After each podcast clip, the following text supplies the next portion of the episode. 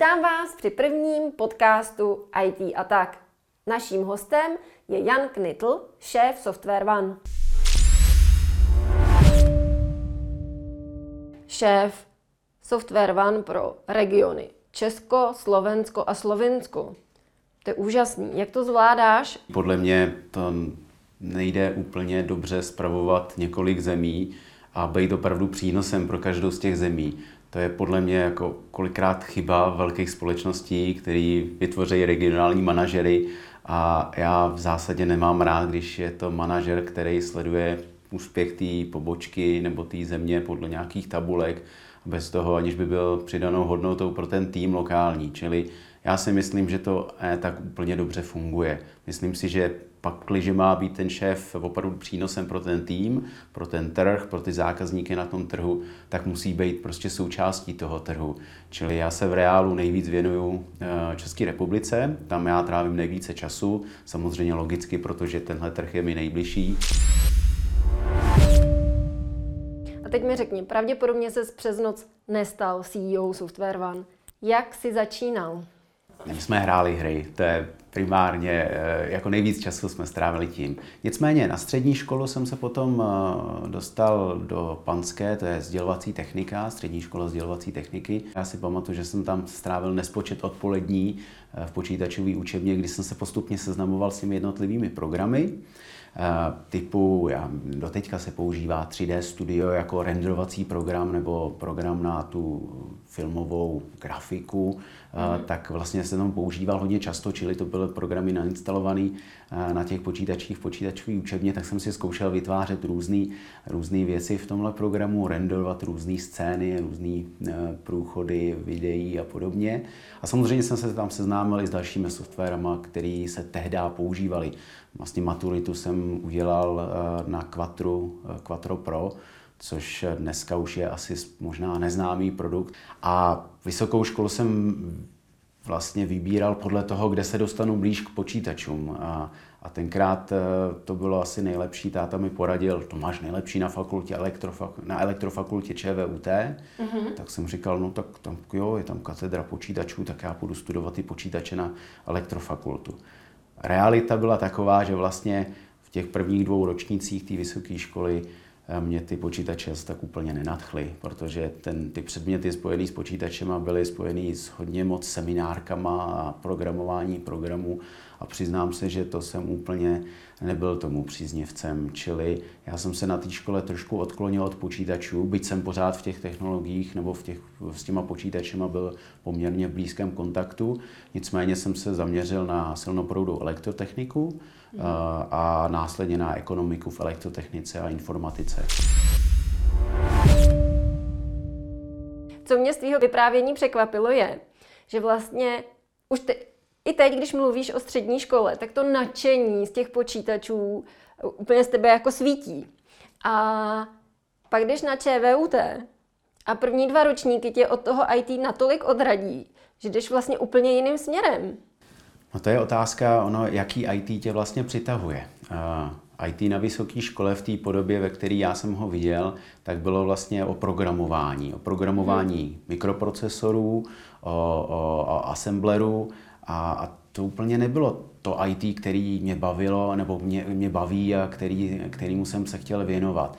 Já možná nejsem úplně typický programátor a, a moje vize být u počítačů a, a být v informačních technologiích není o tom, že budu sedět někde 8, 12, 16 hodin za monitorem a programovat nějaký nekonečný řádek kódu. Většina lidí IT vidí toho zvláštního ITáka, co sedí za tím počítačem, ideálně programuje, a to je ten pravý ITák, ale ty jsi nám vlastně dneska řekl, že IT je široký pojem, že tebe nadchlo nejdřív jedno, pak druhý a pak se posunul úplně jiným směrem. A teď vlastně si v IT na pozici šéfa, takže ta cesta může být různá a v IT si můžeme vybírat, co nás bude bavit nejvíc. Není to pouze jeden směr, ale je jich mnohem více. Řekni mi, co pak po vysoké škole, jak jsi se vůbec začlenil do pracovního procesu? To mělo taky zajímavý vývoj. Já jsem vlastně nastoupil na doktorský studium, eh, nebo byl jsem přijatý na doktorantský studium a přemýšlel jsem, co budu dělat o těch prázdninách. Studenti na vysoké škole mají tři měsíce prázdnin, když zvládneš zkoušku. A já jsem přemýšlel, že bych ten čas nějak využil a možná ne brigádou za pár korun někde v McDonaldu nebo, nebo podobným brigádám, kterým jsem věnoval ten čas eh, předchozí, předchozí dobu, tak jsem si říkal, že už by to chtělo nějaký konkrétní zaměření. A zaujala mě tam nabídka absolventské pozice do trainee programu v Microsoftu. Přiznám se, že to nebylo úplně populární. Eh, byl, byla doba, tuším 2002, mm, nějak přiznám se, Microsoft tenkrát cena akcí nebyla tam, kde je dneska. Microsoft eh, byl možná v rozpoložení, že se uvažovalo rozdělení této firmy kvůli těm kauzám spojeným s media playerem a podobnýma věcma. A nebylo to vůbec populárně, zvlášť ne na ČVUT. To byla firma, která neměla dobrou image, eh, protože ČVUT bylo spíš open source eh, prostředí a, a přiznám se, že nastoupit do, na trainee program do Microsoftu nebylo úplně prestižně vnímáno. Uspěl jsem ve výběrovém řízení na ten, na, na tu, na, tu, na ten trainee program a, a přijal mě na roční tréninkové soustředění v Microsoftu, které mělo figurovat, nebo za, které bylo zakončeno tím, že jsem vlastně získal pozici obchodníka krát pro veřejnou zprávu a školství. Ty se přihlásil na doktorantský studium, Vedle toho se zároveň přihlásil teda na Microsoft Trainee program, který byl tady lokálně v Praze. A takže si zároveň pracoval na tom trainee programu i na doktorantském studiu? Ano, eh, ze začátku to ještě šlo ale jak tak možná bývá zvykem, jak člověk takzvaně přičuchne k penězům, mm-hmm. tak eh, začne mít tu prioritu eh, spíš ta práce, ten, ta, ta cesta toho vydělávání peněz. A přesto, že jsem obhájil státnice na doktorském studiu, tak jsem nedokončil dizertační práci. Nevybral jsem si úplně IT obor i v té dizertační práci, čili zkrátka jsem potom skončil to doktorský studium a pokračoval jsem dám v Microsoftu a plně jsem se věnoval Eh, té práci. Ale ze začátku skutečně šlo skloubit eh, eh, tu práci, to zatížení v tom tréninkovém programu s tou prací toho doktoranda de facto na denním studiu. To nebylo žádné dálkové studium, to bylo mm-hmm. denní mm-hmm. studium. Zpětně, když se teďka máš otočit zpět a, a říci, jo, udělal jsem dobře, nebo že já jsem tu dizertačku prostě nedokončil. Už takový kousek mi zbýval. Jak to vidíš? to je těžké to takhle hodnotit. Pokud to budou sledovat studenti, tak to nebude úplně eh, výchovný. Ano, lituju toho, že jsem neudělal, ne, neobhájil tu dizertačku, to určitě, je to škoda, opravdu je, byl to malinký kousíček předtím. Hmm. Na druhou stranu, eh, to rozhodnutí nebylo špatné, protože Eh, o toho se odvíjela celá moje kariéra. Já bych dizertační práci dobře obhájil, ta dizertační práce neměla s, tím, s tou oblastí IT de facto nic společného, kromě vlastně nějakého počítání nebo využívání neuronových sítí, tak eh, ale v reálu, i když se podívám na to, s jakými lidmi a pracuju a, a v jakém prostředí se pohybuju, tak nevím, jestli úplně to MBA je dneska, nebo MBA je to vlastně PhD, pardon, PhD, uh, PhD mm. jestli to je o tolik lepší nebo o tolik horší. Zkrátka, já nelituju, byť říkám, že to je škoda. Chybělo opravdu kousíček a, a tu nejtěžší část jsem měl za sebou. Myslím, že vůbec studenti vysokých škol, a to, že dokončí tu školu, je dneska fajn a měli by se toho držet. A protože když vezmeme srovnání jakoby s, celé, eh, s Evropou, tak u nás vlastně v IT pracují vysokoškoláci pouze v 55%, zbytek jsou středoškoláci a všude v, ok- v okolních regionech je tomu jinak, je to procento mnohem vyšší, že tam se na ty vysokoškolské studia jako dívá mnohem víc. To potvrdím, já si myslím, že to je dobrý, rozhodně jako když se na to dívám z pohledu zaměstnavatele, ano. Tak, tak rozhodně mám-li, mám-li člověka na pohovoru, kterým, který je vysokoškolák, tak pro mě je to jednoznačně známka toho, že ten člověk je schopen samostatně pracovat, samostatně uvažovat, přistupovat proaktivně k řešení problému, mm-hmm. má zodpovědnost. A to jsou prostě charakteristiky, které pro mě jsou jako zaměstnavatele obrovsky důležitý. A tam já mám jistotu, že skutečně to studium není zadarmo. Tím studiem, když ten člověk prochází, tak vlastně já říkám, že každá zkouška na vysoké škole je de facto jako maturitní zkouška. Mm-hmm. A e, jestliže ten člověk absolvuje těch takzvaně zkoušek na vysoké škole, řekněme 30, tak eh, vypracuješ si nějaký způsob, eh, jak přistupovat k těm zadáním, k těm úkolům, jak se, jak se učit věci, jak se připravovat na, na, na tohle, eh, na ty zkoušky a, a na ty písemky. A to je obrovská devíza, kterou ten člověk sebou přináší tomu zaměstnavateli.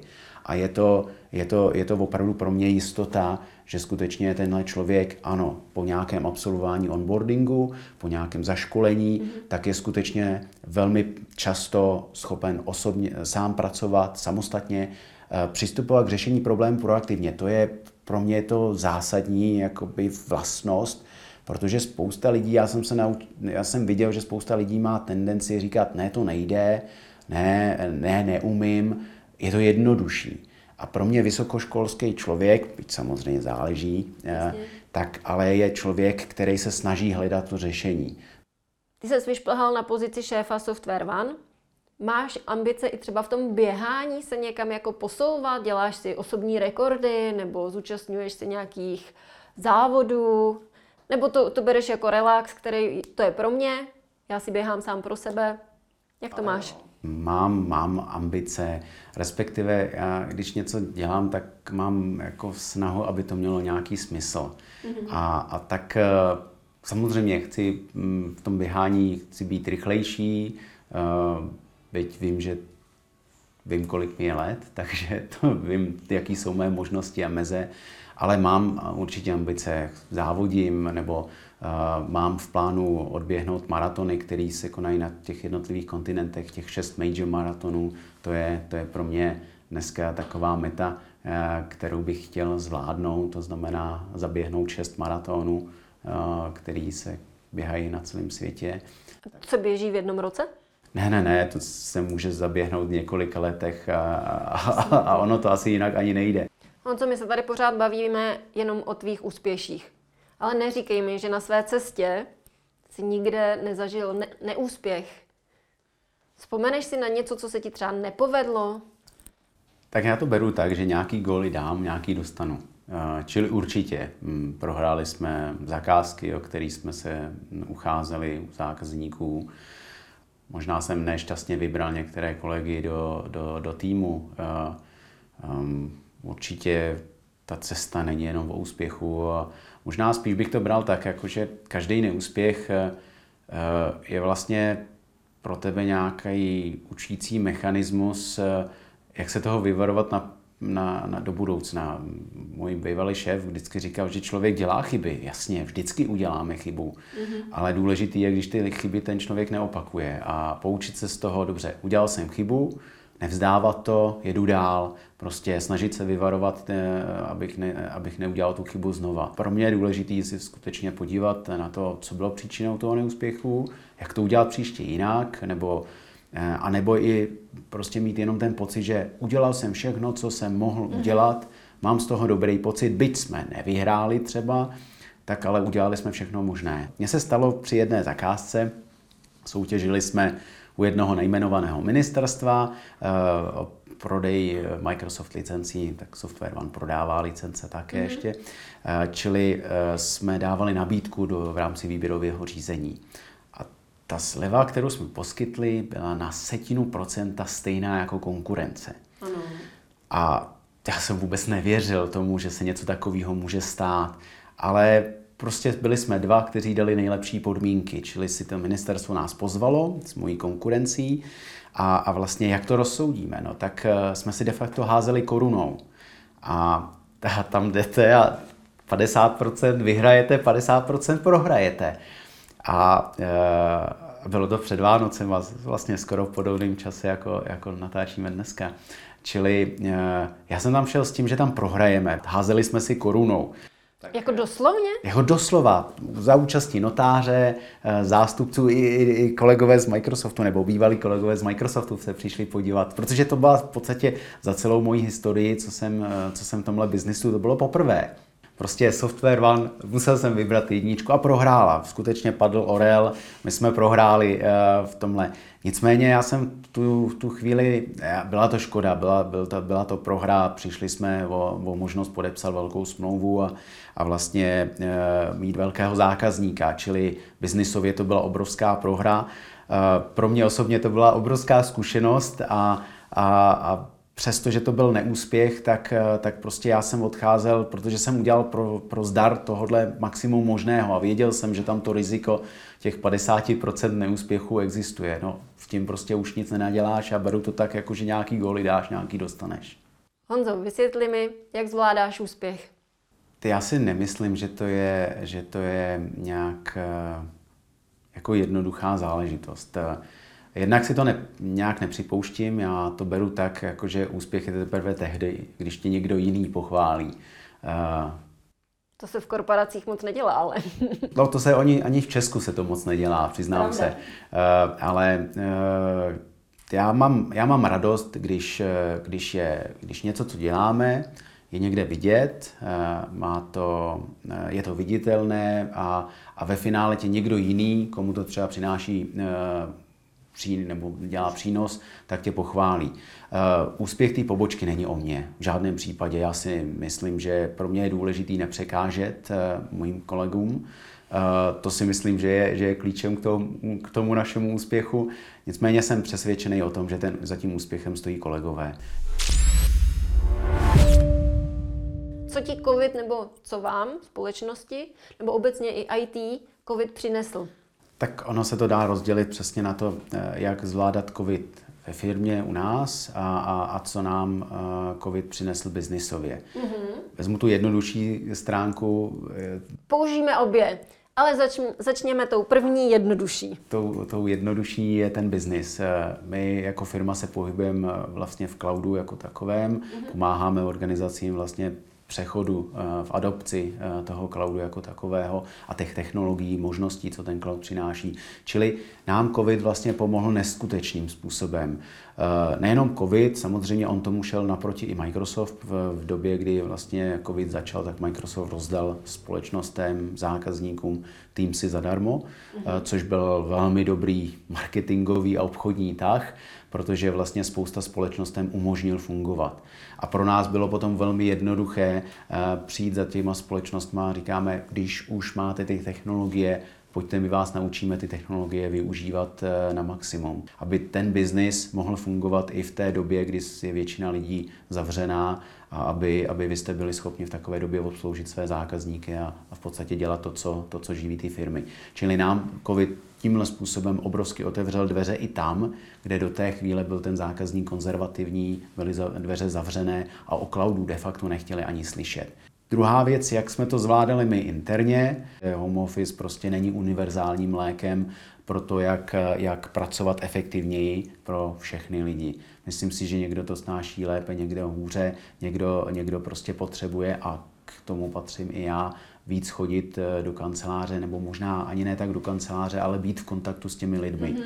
Čili uh, já na to nemám úplně univerzální recept, jak efektivně eh, zvládat covidovou situaci v rámci firmy.